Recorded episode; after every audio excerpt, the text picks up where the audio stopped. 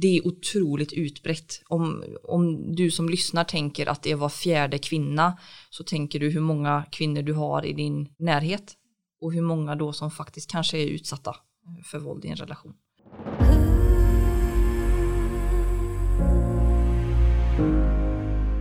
Denna podd handlar om mäns våld mot kvinnor och barn och om våld i nära relationer. Har du blivit utsatt för hot, våld eller andra övergrepp? Ring kvinnojouren Linnean i Lidköping dagtid 0510 21900 eller övrig tid 0200 11 33 33.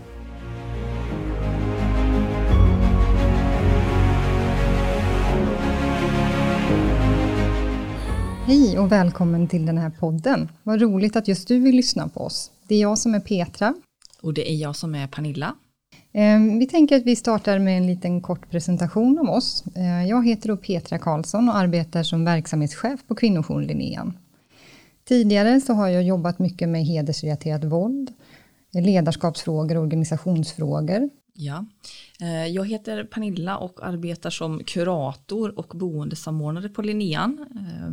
Jag är utbildad socionom och har tidigare arbetat på socialtjänst Eh, inom en vuxenenhet och det var där jag fick upp intresset för den här frågan och efter det så har ju min drivkraft bara exploderat kan man säga i arbetet med eh, mäns våld mot kvinnor och våld i nära relation. Ja, tack så mycket. Jag tänker att vi går över och pratar lite om, om kvinnojour Linnéan som ju finns i Lidköping och har funnits i Lidköping sedan 1984. Vi har ju tre ben som vi står på. Det ena är ju då att vi har ett skyddat boende. Sen har vi stöd och sen så jobbar vi med opinion och förebyggande arbete. Men Pernilla, du kanske kan prata lite mer om vårt skyddade boende, tänker jag. Absolut. Det skyddade boendet är ju som, som det låter kan man säga, det är ju en hemlig, eh, har en hemlig adress. Eh, verksamheten är skyddad av inbrottslarm dygnet runt. Vi har en eh, stor härlig lokal, vi har plats för åtta kvinnor och medföljande barn. Eh, vilket vi är jättetacksamma för. Det är alltså ett, ett kollektivt boende där man kommer och eh, bor tillsammans med andra familjer kan man säga. Eh, då har man ett eget rum men man delar på gemensamhetsutrymmen och sådär. Det här med att bo på ett skyddat boende är ju det är speciellt. Det är många som kanske tror att det, att det liknar att man kommer och bor på hotell och tar det lugnt en period innan man ska vidare.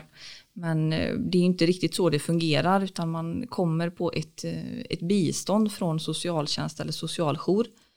Eh, och när man kommer till oss så är det väldigt mycket processer. Nu sitter vi ju i en, i en podd så vi kan inte visa men vi har en fantastisk bild som verkligen visar hur komplicerade situationer de här familjerna befinner sig i. Och det är liksom en, en karta där vi har en våldsutsatt kvinna och hennes barn i mitten. Och bara för att ta några exempel för att man ska förstå hur komplicerat det är så kan man tänka att man kanske har en arbetsgivare som man behöver ha kontakt med. Man kanske måste ha kontakt med Försäkringskassan för sjukskrivningar, för andra typer av ansökningar. Man har ju alltid en socialsekreterare som är ansvarig för att man bor på Linnean. Har man barn så har man också eh, socialsekreterare för barnen. Det kan också vara att man har gjort en polisanmälan, att man har kontakt med polis med ett målsägande beträde som hjälper en i den processen. Sjukvården, tandvården.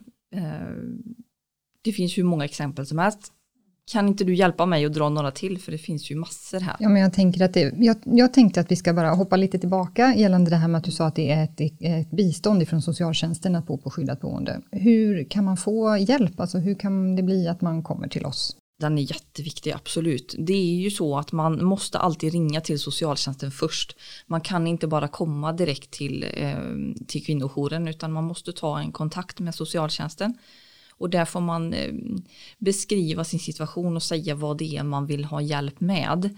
Eh, och socialtjänsten har en skyldighet eh, att hjälpa till i den här frågan. Det är jätteviktigt att veta om att de arbetar med det här. Sen så tar socialtjänsterna kontakt då med oss och frågar om det är så att det skulle passa, om det finns ledig plats. Och sen så gör vi en planering utifrån det. Det är ju jättemycket kring det här med säkerhetsplaneringar och sådär för att de ska kunna känna sig trygga när de kommer till oss. Ju. Och många gånger så tänker jag att det kan också ha varit många samtal med oss innan man väljer att ringa socialtjänsten. Att man, att man har många frågor där vi kan liksom vägleda eller i alla fall ge lite riktning hur, hur man kan gå vidare. Eh, och sen att man kontaktar socialtjänst och där kan ju vi också vara behjälpliga i det, i den första kontakten. Precis. Och det leder väl lite automatiskt in på nästa ben tänker jag som du beskriver där, det här att vi arbetar med, med stöd även utåt. Eh, och det gör vi på ganska många olika sätt. Vi har ju dels en, en stödtelefon som är eh, bemannad dygnet runt, vilket är fantastiskt. Det är ju av eh, oss i personalen på dagtid och sen så är det ju våra jourvolontärer som tar över på övrig tid. Eh, och det är ju en fantastisk möjlighet att man alltid kan höra av sig med vilken fråga som helst som rör detta. Sen tar ju vi också emot eh, på e-mail såklart, eh, att man kan få stöd där. Innan corona träffade så kunde vi också ses för stödsamtal utanför lokalerna så. Men det har vi tyvärr fått pausa med nu. Sen har vi kanske den, den mest populära vägen och det är ju våran stödchatt som nu, den är väl ett år ungefär tror jag va? Och där har vi ju många som, eh, många som hör av sig eh, om olika typer av frågor och både på chatten och i stödtelefonen har man möjlighet att vara anonym om det så att man vill det. Och chatten är ju öppen varje vardag klockan ett till tre så det finns många möjligheter faktiskt att höra av sig där. Precis. Och det som är viktigt att nämna tänker jag är att Eh, det är inte bara en viss typ av kanske kvinnor som hör av sig utan det, det är väldigt många olika i olika situationer. Många som hör av sig kanske är i en eh, relation just nu där man blir utsatt för våld, absolut. Eh, och man vill rådfråga kring det. Eh, men det kan också vara att man eh, har varit i en relation sedan många år tillbaka och har fortfarande mycket påträngande minnen och man vill liksom prata om det här lite grann. Men det kan ju också vara anhöriga, kollegor som hör av sig. Eh, det kan gälla frågor runt juridiska frågor, umgänge, vårdnad och sådär och då kan ju vi hjälpa till och informera om det som vi kan men också hänvisa vidare Ja, för det är ju viktigt att säga, tänker jag. Vi har ju en juristkontakt som vi också hänvisar vidare till, så man kan få hjälp med de första frågorna. Så, så det fungerar jättebra. Det tredje benet då, om vi ska prata lite mer om det, det är det här med opinion och, och förebyggande arbete. Och opinion, det är ju någonting som vi arbetar främst med Alltså dels utifrån att vi skriver debattartiklar, men vi har också våra sociala medier där vi delar mycket, men också skriver en del själva. Och sen vårt förebyggande arbete, det sker ju i alla möten med kvinnor och barn som är utsatta, men också att vi är ute och föreläser. Ehm, det har ju varit lite mindre av det såklart, men det har börjat komma igång så att nu kör vi en hel del igen, fast digitalt. Ehm, så. Och det kan vara olika, både vi har varit mycket på SFI, det kan vara andra skolor, andra föreningar, fackförbund. Ja, de som är intresserade av att höra om vår verksamhet och som också tycker att man behöver ha mer kunskap just kring den här frågan. Så att vi vill ju väldigt gärna komma ut och vi hoppas att vi ska kunna komma ut och jobba mer förebyggande i ja, de yngre åldrarna i skolorna. Machofabriken är ju ett material som vi eh, kan använda oss av där man jobbar just med normer och machokultur med ungdomar. Som är ett väldigt bra material. Så det är några av de delarna. Vi anordnar ju också föreläsningar själva, dels för, eh, för oss i personalen och volontärer, men också mm, föreläsningar för allmänhet och myndighetspersonal. Det är också en jätteviktig del i att sprida kunskap om det här området. Det är jätteviktigt. Och där är ju också en väldigt positiv utveckling i det här eh, med det digitala, för allting har ändå kommit lite närmare. Så det är ju en väldigt positiv del, mm. tänker jag, i det. Absolut. Men om vi ska prata lite om oss som jobbar på Linnean då. Vi är ju tre heltidsanställda. Det är jag som är verksamhetschef, Pernilla som är kurator och sen så har vi Camilla som jobbar som barnsamordnare. Och Camilla har ju då eh, ansvaret för verksamheten dagtid för barnen. Det är alltid eh, föräldrarna eller mammorna som har det yttersta ansvaret för barnen när de bor på Linnean. Men vår barnsamordnare kan vara behjälplig i att antingen hitta på roliga saker, åka på utflykter eller andra aktiviteter på boendet. Men hon är också utbildad i trappan som är en modell för att ha strukturerade barnsamtal. Så det, det gör hon bland annat, ska man väl säga. Precis, bland annat. Och det är ju en, en fantastisk eh, roll som hon har tänker jag. Framförallt det här att hon kan möta barnen där barnen är och det finns en, en professionell som bara kan se barnen. Det är ju fantastiskt bra. Och att det faktiskt finns eh, speciella stödsamtal för barnen. För det är ju det är hemskt att säga men det kanske är ganska lätt att man glömmer av att de också får eh, upplevelser av det här och påverkas ofta väldigt negativt av det våldet som de har upplevt hemma. Så att det är eh, en jätteviktig del i verksamheten tänker jag. Verkligen och vi är väldigt glada att vi har kunnat ha eller att vi kan ha en barnsamordnare för vi ser ju precis som du är inne lite på att ibland så glöms de här barnen bort. Ehm, vi tycker väl att, att arbetet kring barn och barns rättigheter har börjat eh, öka men det finns väldigt mycket kvar att önska där. Ehm, så det är, det är viktigt. Ehm, om du vill gå in lite mer på, på din, dina uppgifter. Absolut. Men jag har ju lite olika typer av arbetsuppgifter egentligen.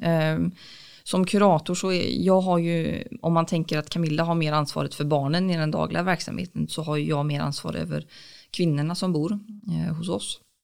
Och är lite, lite spindel i nätet åt dem kan man säga och hjälper till och är med på möten med myndigheter, hjälper till att fixa med saker och ge tips och stötta dem i kontakter med andra samhällsinstanser och så eftersom det är väldigt mycket runt omkring ofta så har de ju också med sig jobbiga upplevelser, eh, traumatiska händelser som gör att de kanske har svårt att komma ihåg saker.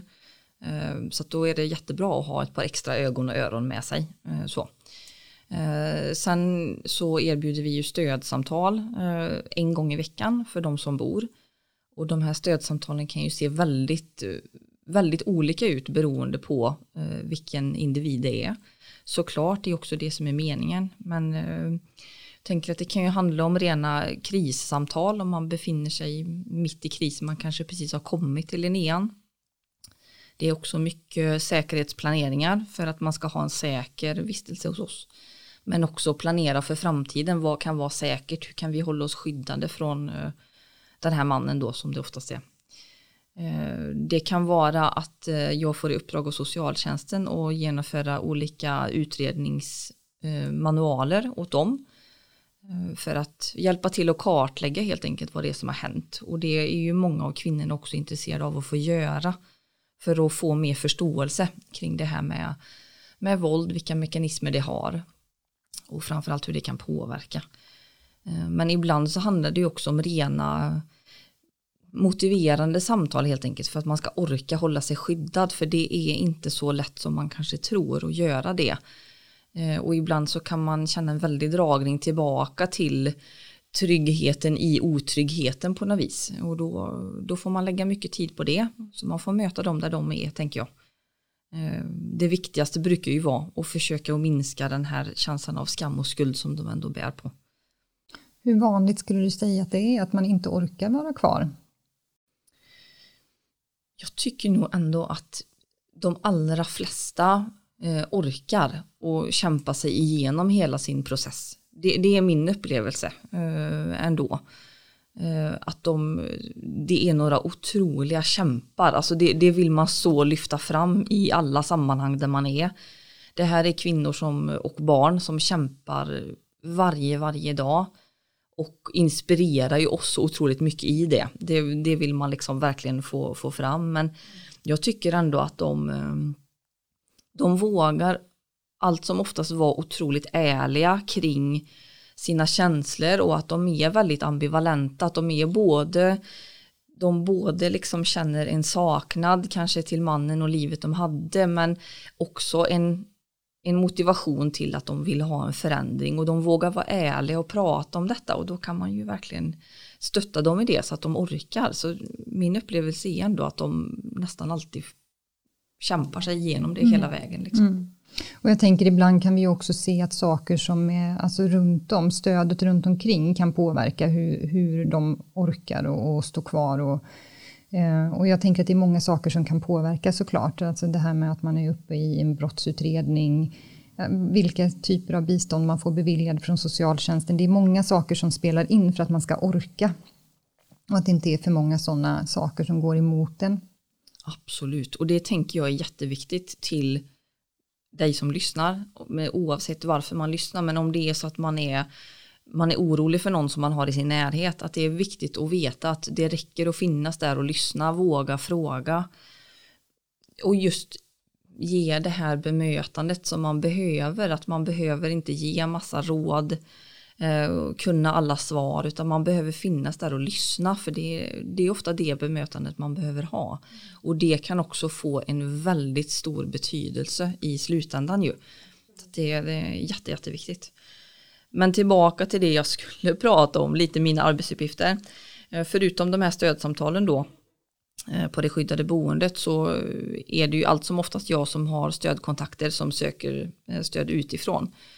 Och det kan ju vara allt ifrån ett samtal, att man bara vill prata av sig en gång eller fråga, till att vi faktiskt har en, en pågående stödkontakt där vi kanske jobbar oss igenom kartläggning eller andra typer av eh, övningar, metoder för eh, att man ska kunna bearbeta det som har hänt. Så att, ehm, ja, det ser ju väldigt olika ut. Och sen så är det ju också oftast jag som sitter med stödchatten och har den. Det är ju också mitt eh, ansvar. Men jag har ju också haft förmånen att få jobba väldigt mycket kring ehm,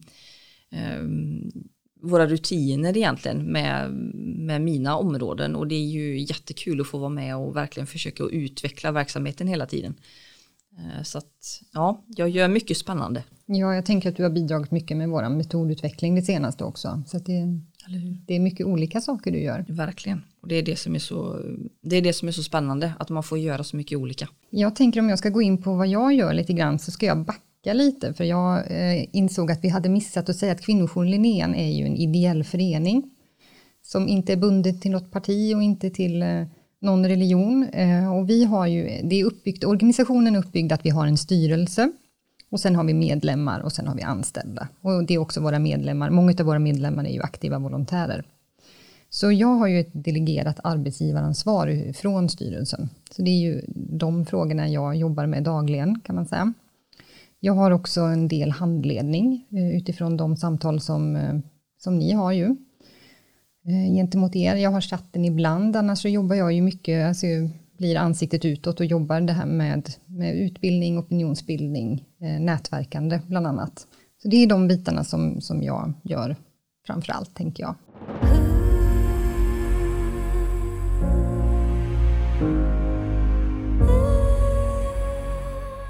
Ja, jag tänker att vi ska gå över lite nu kring att prata om mäns våld mot kvinnor och barn.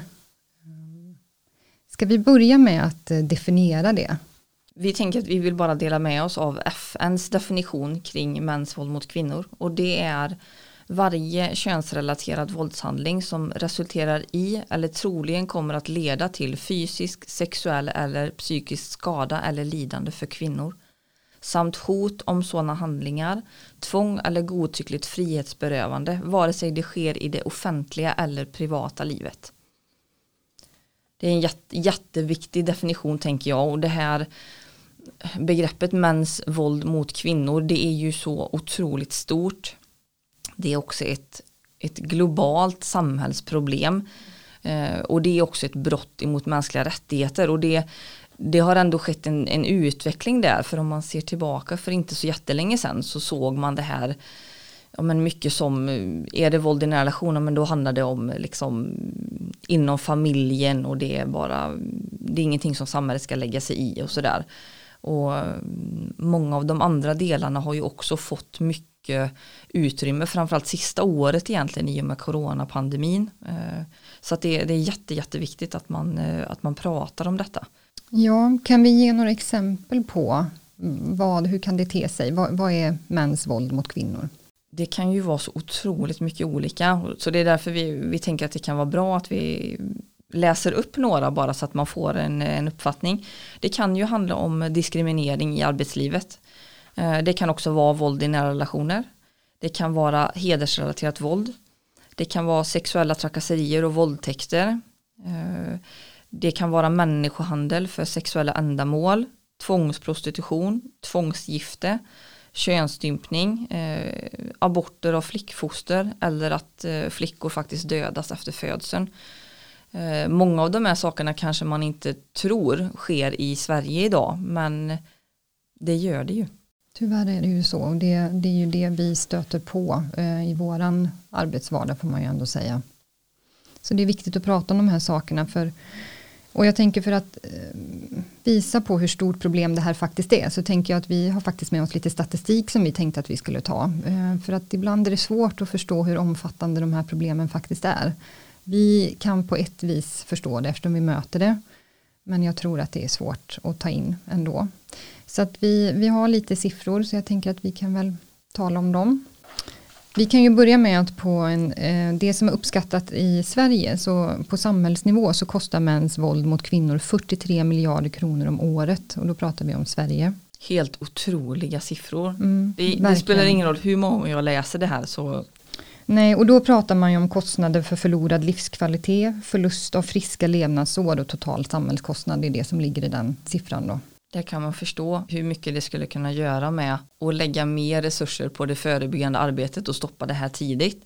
Hur mycket pengar faktiskt samhället skulle kunna tjäna på det. Eh, och det, en effekt av mäns våld mot kvinnor är just att det, vi har en otroligt stor skillnad på livsinkomst mellan kvinnor och män i Sverige. Eh, det kom ju en, eh, en rapport från regeringen väldigt nyss, det var i januari tror jag i år som visar att eh, skillnaden är 3,2 miljoner kronor i skillnad under en eh, livsinkomst. Det är eh, otroligt mycket pengar bara beroende på vilket kön du föds med egentligen. Mm. Så är det. Det vi kunde se också under 2020, alltså med pandemin, Eh, Brå har kommit med nya siffror där misshandelsbrott mot kvinnor ökade med 3 procent eh, medan misshandelsbrott mot män minskade med 4 procent. Det är också tydliga siffror tänker jag. Och det här är ju någonting som vi inom kvinnojoursrörelsen har, har förespått skulle hända för en redan utsatt grupp blir än mer utsatt i en kris som vi ju befinner oss i just nu. Eh, om man ska fortsätta med, med mer sådana här fruktansvärda siffror så varje dag i Sverige så begås det eh, hundra våldtäkter. Det är mer än en våldtäkt i timmen i Sverige som är det minst ojämställda landet i hela världen. Eh, då kan man föreställa sig hur det, det ser ut eh, utomlands. Och det finns också siffror på att eh, 35% av världens kvinnor någon gång har utsatts för fysiskt eller sexuellt våld. Otroliga siffror om man tänker 35% av världens kvinnor, det är många kvinnor som blir utsatt för ett grovt våld. Det är oerhört många man pratar ju mycket om det här med, med mörkertal och så i det här. Eh, för det är också någonting man måste veta att de här siffrorna visar ju ofta bara det som faktiskt kommer fram, kanske det som faktiskt polisanmäls. Eh, Brottsförebyggande rådet i Sverige uppskattar att det är omkring 80% av mäns våld mot kvinnor som faktiskt aldrig polisanmäls. Så att de här siffrorna som vi ger kan ju egentligen vara otroligt mycket större i i verkligheten om man säger. Ja men så är det ju och jag tänker att även de kvinnor som vi möter som kommer till vårt skyddade boende det är ju inte alltid att de polisanmäler det de har varit med om heller så att även om man man lyckas att lämna och, och, och, och försöker komma vidare i sitt liv så är det inte säkert att man polisanmäler de brott som man faktiskt har varit utsatt för. Och det är ju många som tänker vad konstigt, varför anmäler man inte? Det här är ju allvarliga saker men det man behöver förstå då är att man är oftast väldigt rädd för att det faktiskt ska göra det värre. Och det finns ju mycket forskning som visar att när du blandar in myndigheter som socialtjänst och polis så ökar faktiskt risken för att du ska bli utsatt för än värre våld eller till och med dödligt våld. Så att det är viktigt att um, ha mycket kunskap om det tänker jag mm, innan man innan, innan man tänker att man borde göra någonting. Mm så är det ju. Sen försöker ju vi alltid rekommendera såklart att göra en polisanmälan men vi har alltid med oss hur svårt och komplext det kan vara. Det är ju jätteviktigt att man att det görs för jag tänker att det är viktigt också om man nu ska se det så men att det faktiskt kommer fram i, i statistik hur vanligt eh, och farligt det här problemet är. Eh, så att och man har också man har ju rätt att få upprättelse på något vis. Att rättvisa ska skipas på något ja, det Så absolut att man alltid ska rekommendera det, att man gör en polisanmälan. Vi har några, några statistikpunkter kvar ju. Ehm, eh, under 2020 som ju var, ja det var ju året då pandemin kom, då eh, ökade antalet anmälda våldtäkter mot barn med 16 procent. Det är en, en hög ökning där. Um, eh, också de sista sakerna som vi nämnde i um, hur det här våldet kan se ut, det här med könsstympning. Eh, det finns uppskattningar där att det finns 200 miljoner kvinnor i världen som är drabbade av könsstympning som ju är en, ett fruktansvärt ingrepp eh, mm, på kvinnor. Eh, det finns också siffror på att det är 4 miljoner flickor och kvinnor som riskeras att utsättas för detta varje år. Och detta händer också i Sverige. Det är viktigt att veta. Eh, vi pratade också om det här med eh, människohandel för sexuella ändamål och det är ju också ett enormt stort problem. Siffror där är att mellan 700 000 och 2 miljoner kvinnor och flickor i världen drabbas av den här typen av människohandel varje år. De siffrorna är ju svåra att, att få ner i liksom mer exakt form eftersom det här ofta sker under radarn. Liksom.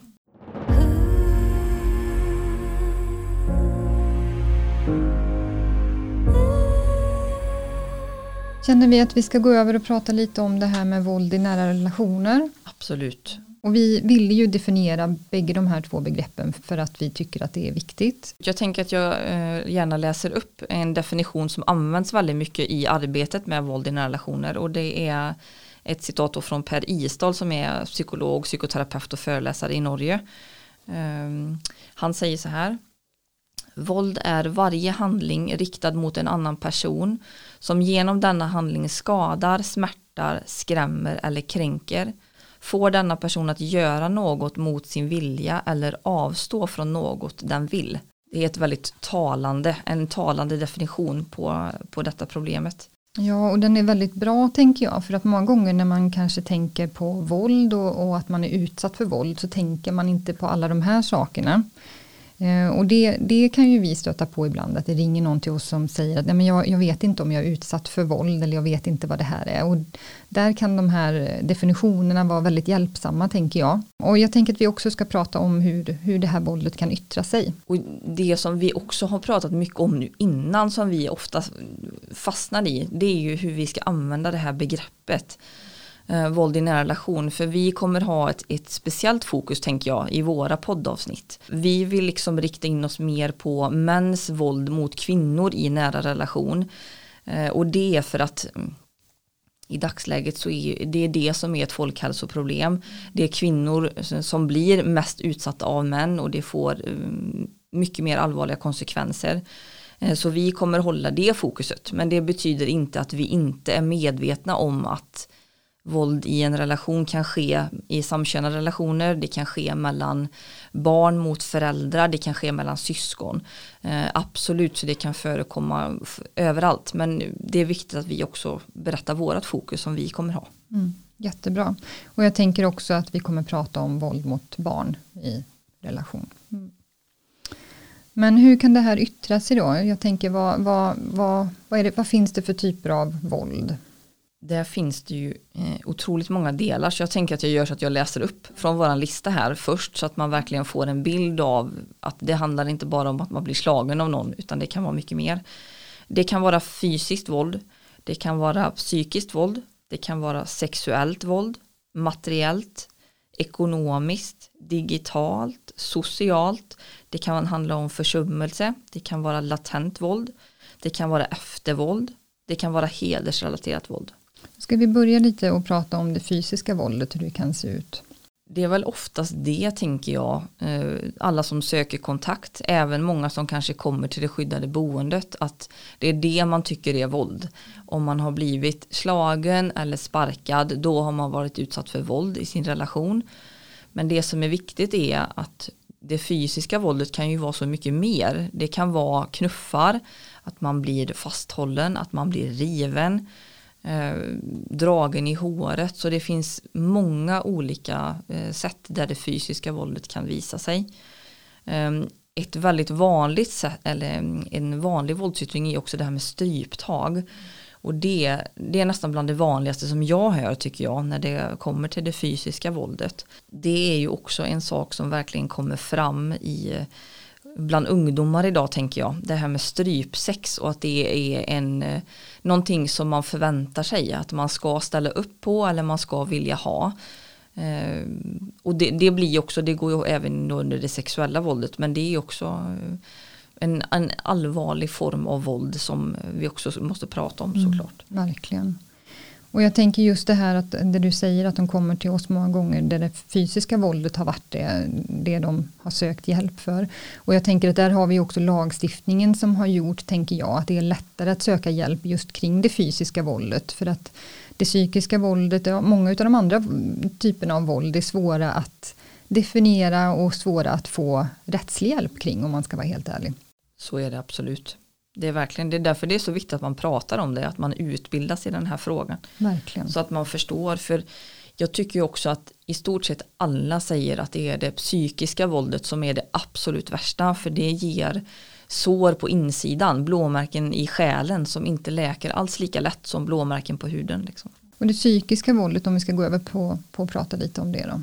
Och det kan ju vara, den, den skulle man egentligen kunna prata om hela avsnittet tänker jag, för det kan ju verkligen vara så otroligt mycket. Men det handlar väl framförallt om att man vill ha makt och kontroll i relationen och se till att skaffa den eh, på det sätt som man eh, tycker har mest effekt egentligen. Att man skräms, att man hotar, att man förnedrar, att man kränker, kontrollerar. Jag tänker att det är ju verkligen bland det vanligaste. Att man vill ha stenkoll på telefonen, man vill eh, veta vem man pratar med. Man bestämmer, mannen bestämmer om du får gå i skolan, eh, om du får träffa kompisar. Eh, väldigt mycket sådana saker. Mycket åsikter om utseende, vad du får ha för kläder, hur du ska ha ditt hår, om du sminkar dig lagom mycket och sådär. Vilket har oerhörd påverkan på personen som blir utsatt för det här tänker jag. Alltså självkänslan eh, försvinner nästan totalt eh, under den här perioden tänker jag.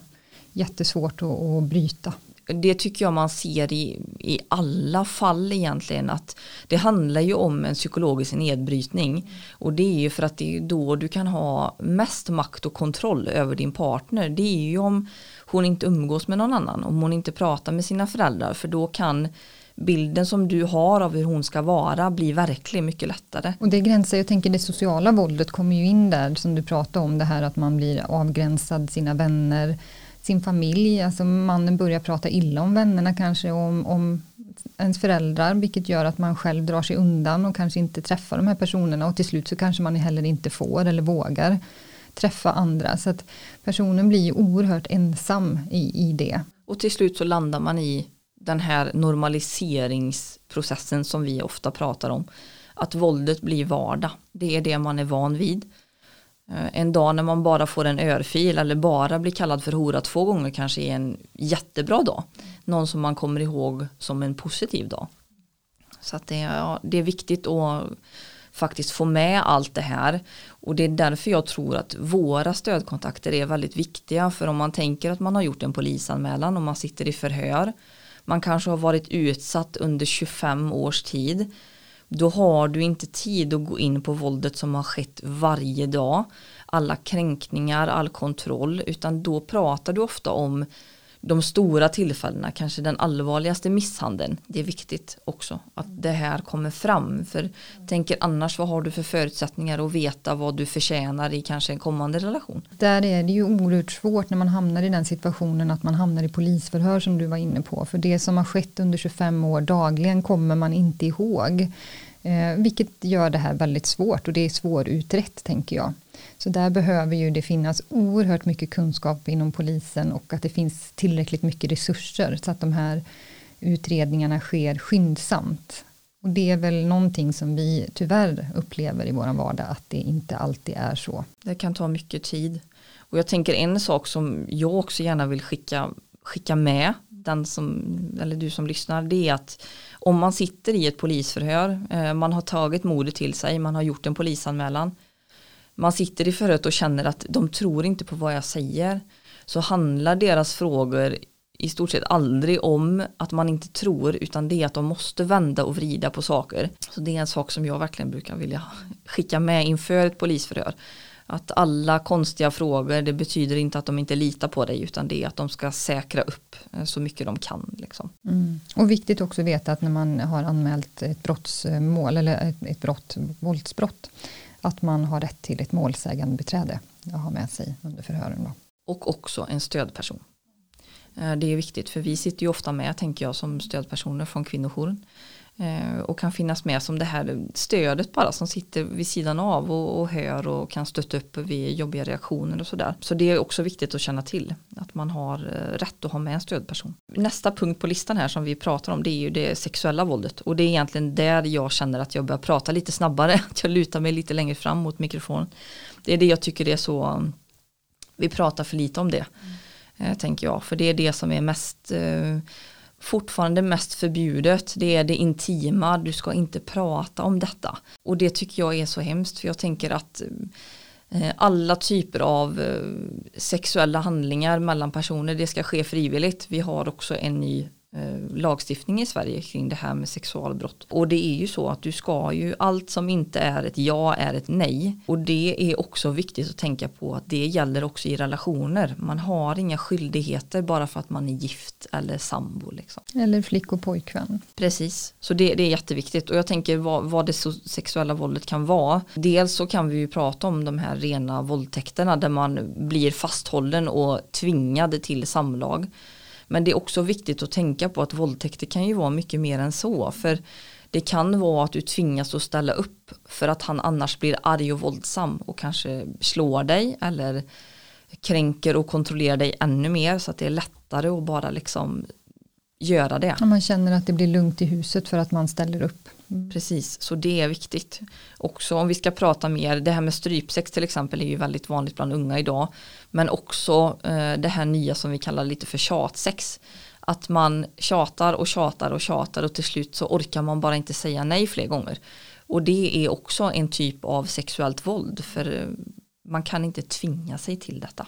Och här tänker jag skulle vi kunna skicka med en sak till alla föräldrar faktiskt att prata med sina barn och ungdomar om det här och det är ju, vi var inne på det lite tidigare men utifrån det här med hur lättillgänglig porren är idag.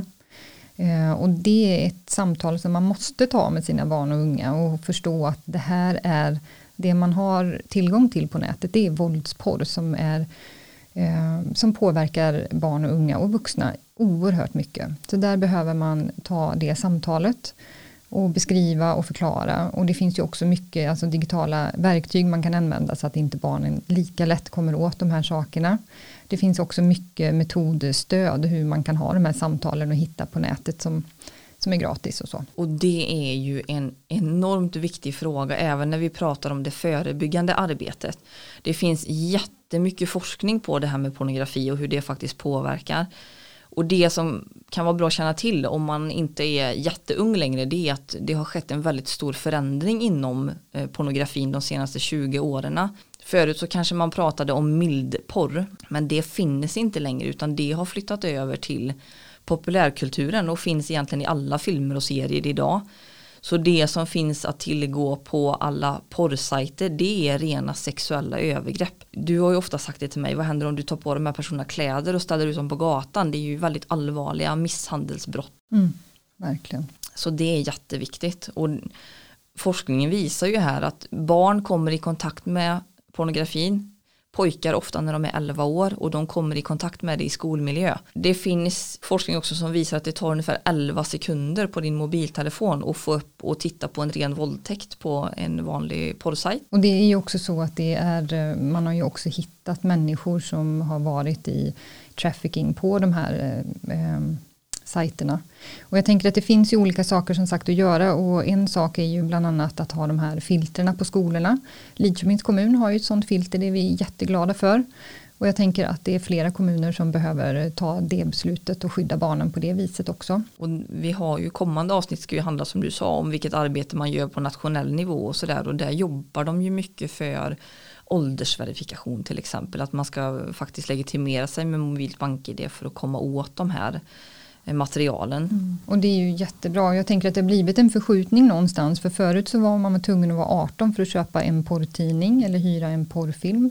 Så är det ju verkligen inte idag. Så jag tänker att vi det finns så mycket kvar att göra där. Och särskilt eftersom, som du säger, forskningen visar verkligen på hur skadligt den här typen av porr är för våra barn och unga. Och det är ju ofta då den första kontakten man kanske får som 11-åring med hur det är att vara man, hur det är med sex, vad kvinnor, tjejer faktiskt tänder på sexuellt. Och det är ju fruktansvärt att deras första kontakt med eh, sin sexualitet blir genom det här och detta är ju också porrindustrin medvetna om så att många filmer kan ju heta det här är vad riktiga män gör till exempel. Och det är klart, går du in då så läser du det. Det är klart att du blir otroligt påverkad och förvirrad eh, av detta. Så att det här samtalet, våga, våga ta snacket. Liksom. Mm, det är och, jätteviktigt. Och tidigt. tidigt. Verkligen tidigt.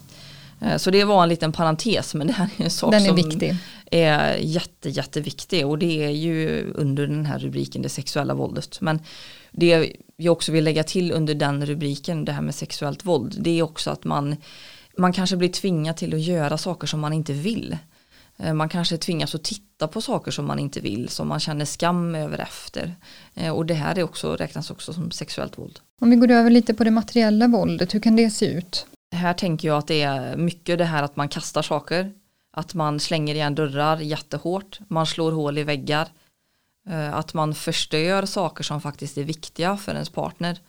Förstör kläder som man inte vill att hon ska ha. Eh, eller kanske arvgods och sådär som man vet att det sårar väldigt mycket. Vi går över på det ekonomiska våldet. Hur kan det se ut? Det är också en sån sak som många inte är så medvetna om tänker jag. Men det är ju ofta det här att du kanske inte får ha några egna pengar. Du kanske har en lön men när den kommer så ska den sättas över på hans konto. Du ska visa upp kvitton på vad du handlar. Du kanske inte får köpa vad du vill.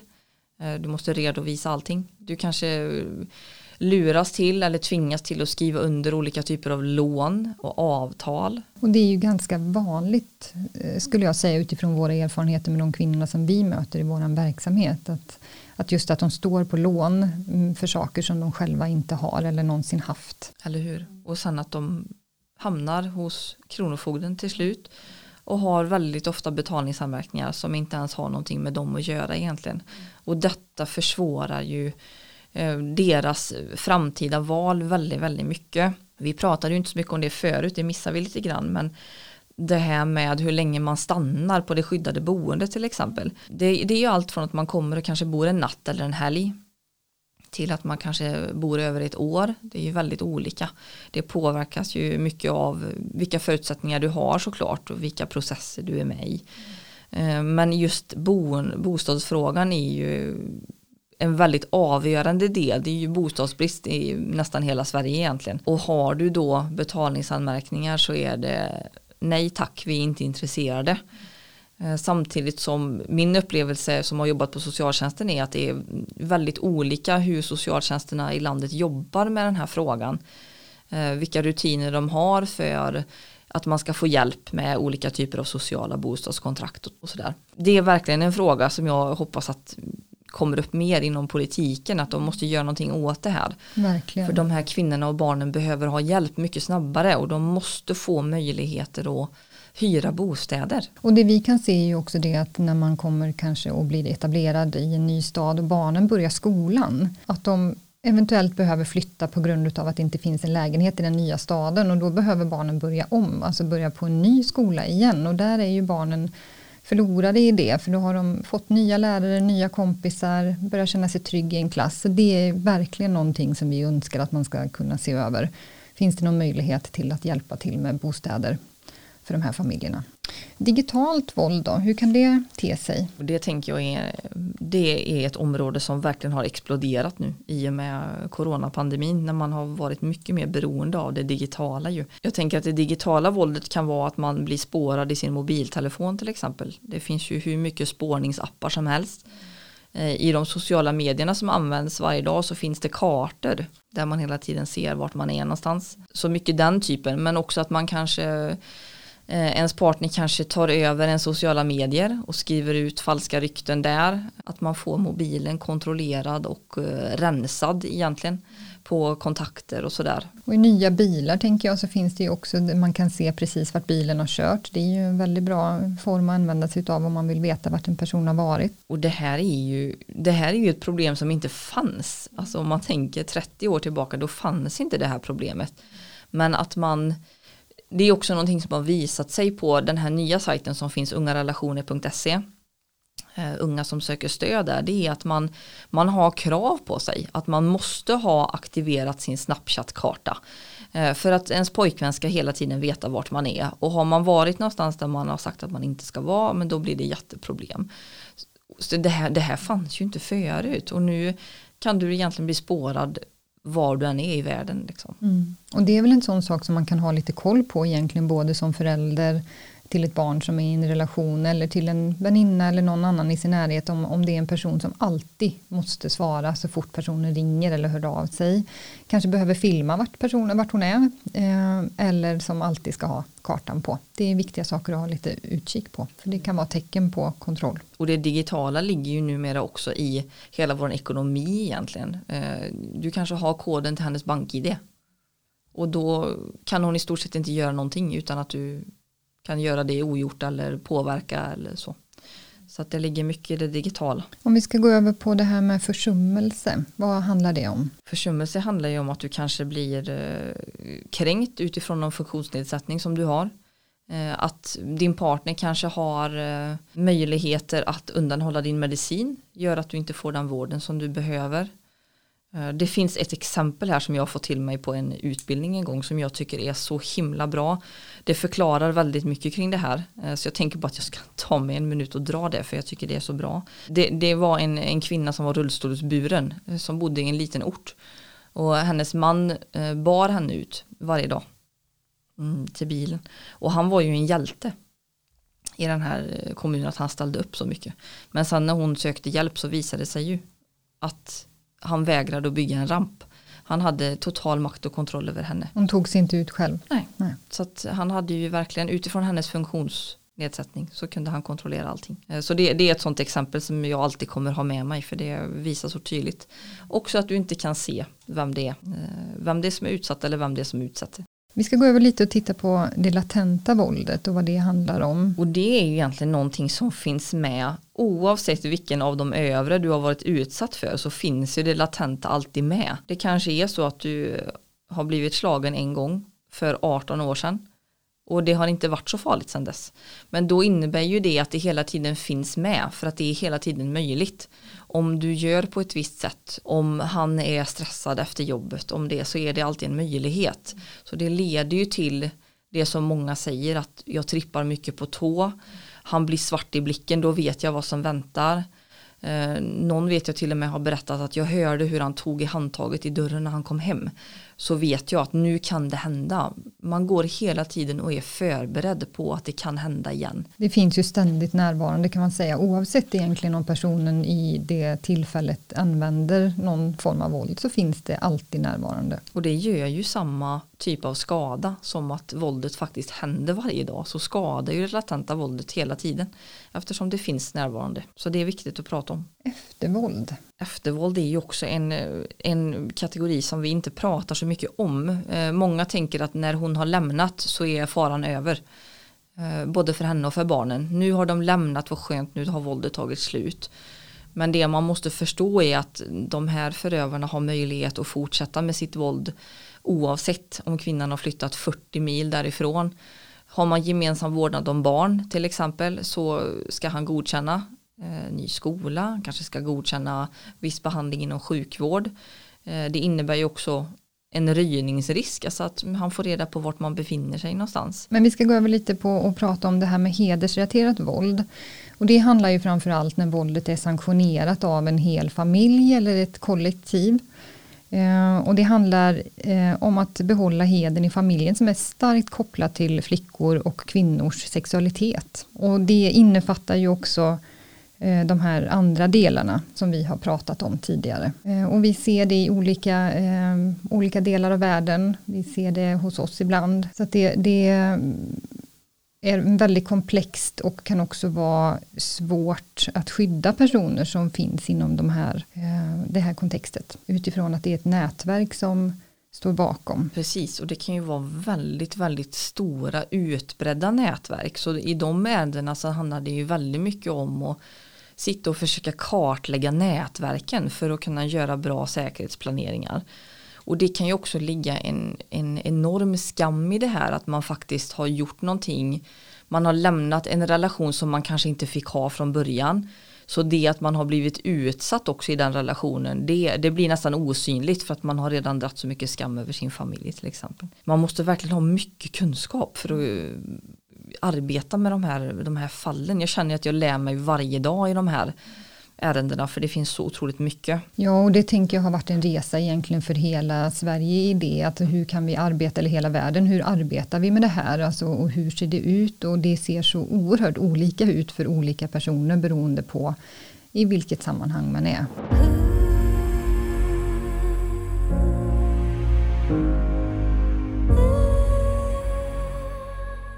Jag tänker att det är dags att vi ska gå över också att titta på det här hur det ser ut med statistiken. Vill du börja med det, Pernilla? Som vi sa förut, det är ofta siffrorna som gör att man verkligen kan förstå hur problemet ser ut. Och den, den senaste forskningen nu visar att eh, 25 procent, alltså var fjärde kvinna i världen, blir någon gång under sitt liv utsatt för våld i en relation. Väldigt, väldigt många. Under 2019 2019 så anmäldes det 8680 eh, fall av misshandel mot kvinnor där eh, kvinnan då hade varit i eller var i en eh, parrelation med förövaren. Och då vet vi också då mörkertalet i det här. Vi har en siffra från 2019 och då så dödades 16 kvinnor av en man som de hade haft eller hade en relation med. Och det är alltså högre då än genomsnittet sedan innan. Och det här är, alltså man, man, måste nästan ta det en gång till för att det, det är så att kvinnorna har mördats av en nuvarande eller tidigare partner.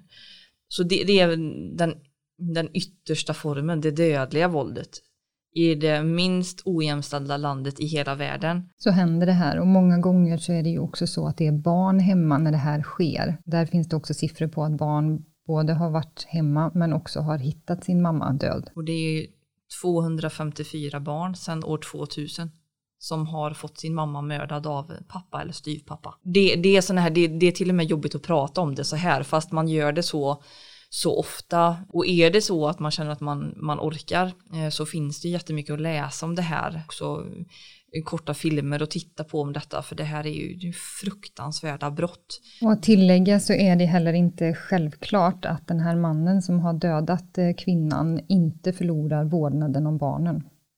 Den är svår att ta in. Bara den kräver liksom, jag kände det, jag blev nästan lite tyst av den, för den, det, det är nog det jag, jag kan förstå allra minst.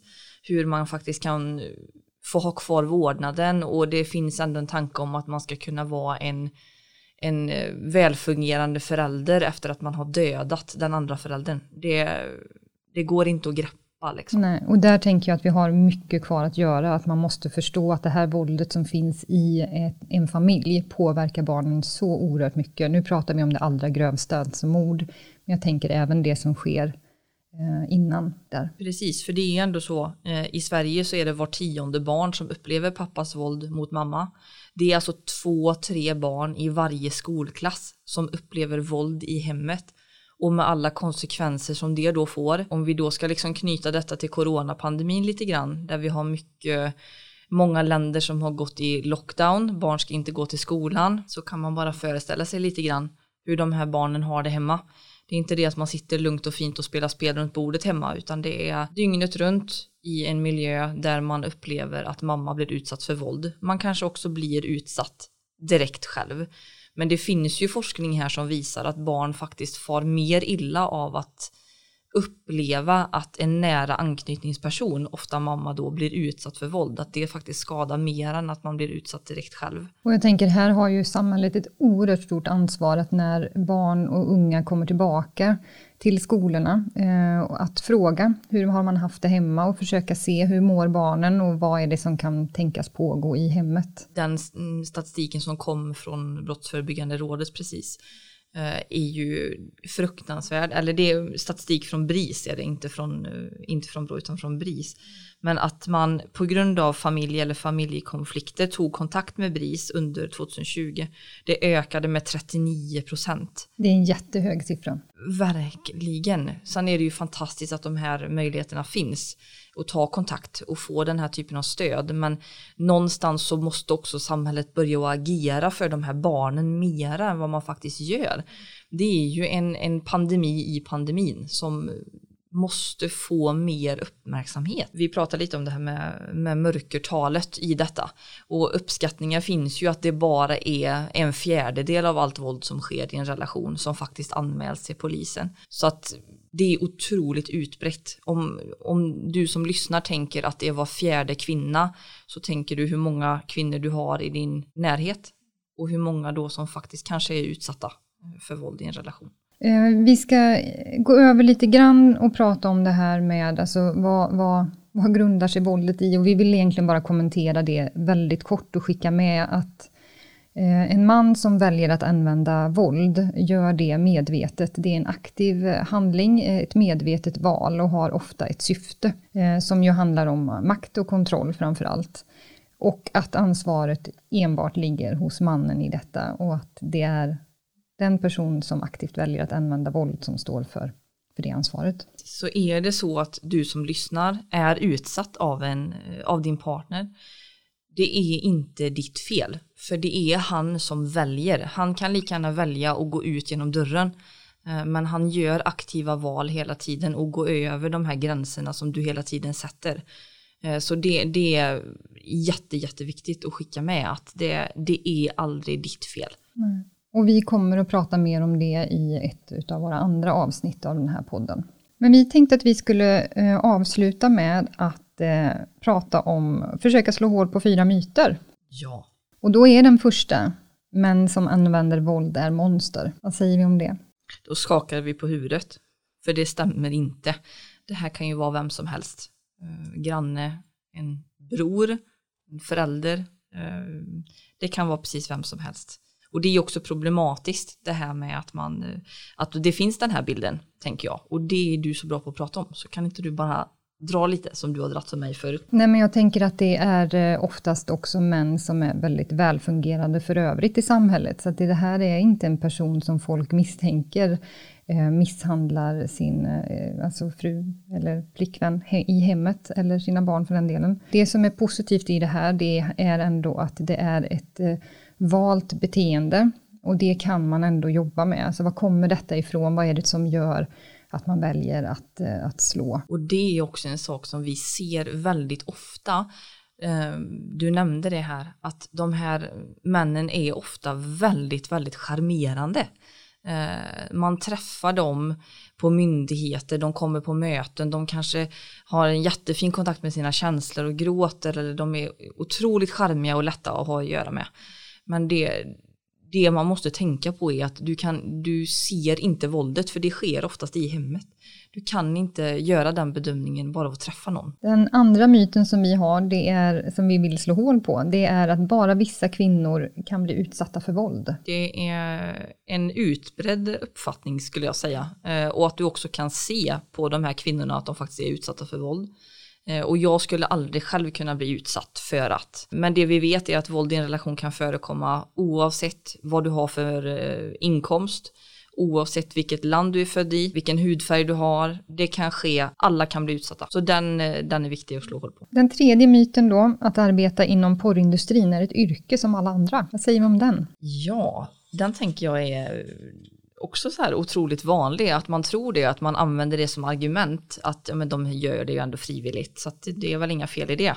Eh, men då tänker jag att eh, läs på, eh, skaffa mer kunskap om det här. Nu finns det ju ganska mycket kunskap faktiskt. Ja, mm. mycket och mycket forskning på det här.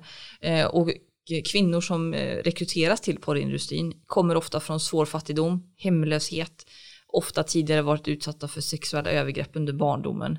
De utnyttjas väldigt ofta inom eh, prostitution också. Och det här ger väldigt, väldigt svåra konsekvenser. Och jag tänker också så här, du kan inte betala för ett samtycke. Det går inte. Men när du sätter en kamera framför och filmar det så kan du helt plötsligt göra det och vi ska kunna titta på det i våra telefoner. Så det är viktigt att tänka igenom eh, och att kan det verkligen ske frivilligt? Så att den slår vi hål på tycker jag. Den fjärde myten då, det är bara vissa typer av personer som kan engagera sig i kvinnojoursarbete. Och så är det ju verkligen inte, utan eh, det kan eh, alla göra som känner att de har någonting att ge och som vill engagera sig i den här, eh, både för de individerna som finns på jouren men också för kvinnojourskampen kan man säga. Och jag tänker att vi ska nämna lite kring det med våra volontärer, för vi har ju på Linnean då 20 aktiva volontärer. Och deras arbete är ju oerhört viktigt såklart och ser lite olika ut. Vi har en grupp som har vår telefonjour som vi har pratat om lite tidigare. Alltså när personalen går hem så är det någon av våra jourvolontärer som har telefonen vilket också gör att vi kan ha stödsamtal dygnet runt, men vi kan också ta emot boende dygnet runt på vårt boende. Sen har vi våra trivselvolontärer som ser till att våra kvinnor och barn, eller de som bor på jouren, får det lilla extra. Det kan vara skogsutflykter, det kan vara att de går med till gymmet, de kan gå till badhuset, kanske läser bok för barnen eller leker, pysslar. Ja. Så är man intresserad av att bli volontär eller engagera sig så är det bara att höra av sig till oss på Kvinnojour Linnean. Vi har alltid en utbildning, en på, oftast en på våren, och en på hösten som man ska ha gått för att bli volontär hos oss. Så är man intresserad så så mejla eller ring oss. Eh, och det kan man ju verkligen rekommendera för volontärerna bidrar med så mycket. Eh, just av den här vardagen, det som är det viktiga, att man bara för att man bor på en kvinnojour så är inte det något speciellt utan man har de här vardagliga inslagen hela tiden. Eh, och det blir ju en otroligt fin gemenskap runt det här. Eh, så att känner man att man har, man har tid och man har engagemang så absolut att man ska engagera sig som volontär.